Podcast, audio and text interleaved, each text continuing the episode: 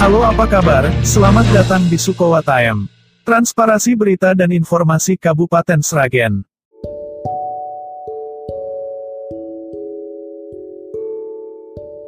Sragen, Joglo Semarnews.com, kasus temuan 5 PNS di kantor Dinas Penanaman Modal dan Perizinan Terpadu Satu Pintu, DPM PTSP, Sragen, Jumat, tanggal 27 November tahun 2020, mengurai fakta baru. Penyebaran COVID-19 di kantor pelayanan izin itu ternyata berasal dari salah satu PNS yang bertugas sebagai front office FO atau resepsionis. PNS berinisial R itu terungkap sempat layatan saudaranya yang meninggal positif COVID-19 awal bulan ini. Awalnya R layat omnya yang meninggal positif. Kemudian di tracing, suaminya positif dan R kemudian juga positif.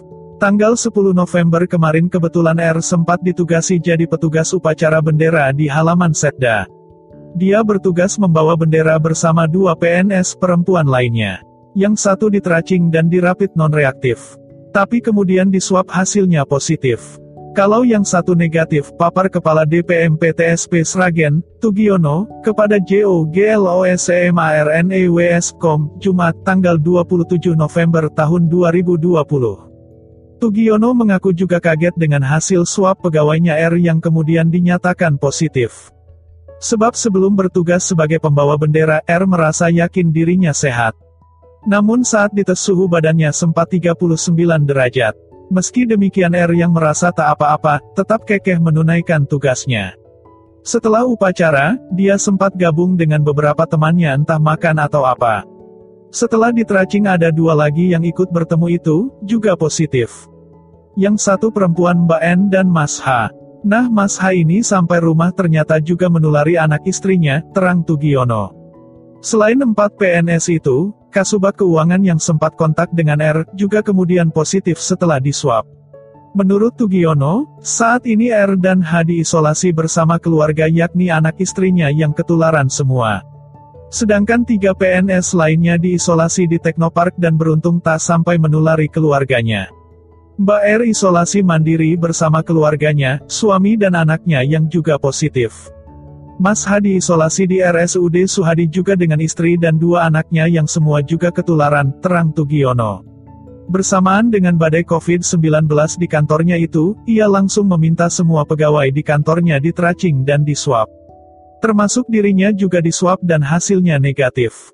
Hari Rabu kemarin dirapit semua, ada yang positif lagi Mbak I, imbuhnya. Dampak dari rentetan kasus COVID itu, kantor DPM PTSP yang bersebelahan dengan kantor bupati di Kompleks Perkantoran Setda kini langsung ditutup selama 10 hari ke depan. Iya benar, ada 5 PNS di DPM PTSP yang positif COVID-19. Kita sedang lakukan tracing dan swab kepada seluruh pegawai dinas. Kantornya kita tutup selama 10 hari mulai hari ini, ujar Sekretaris Daerah, Sekda, Sragen Tatak Prabawanto kepada Joglo Semar News.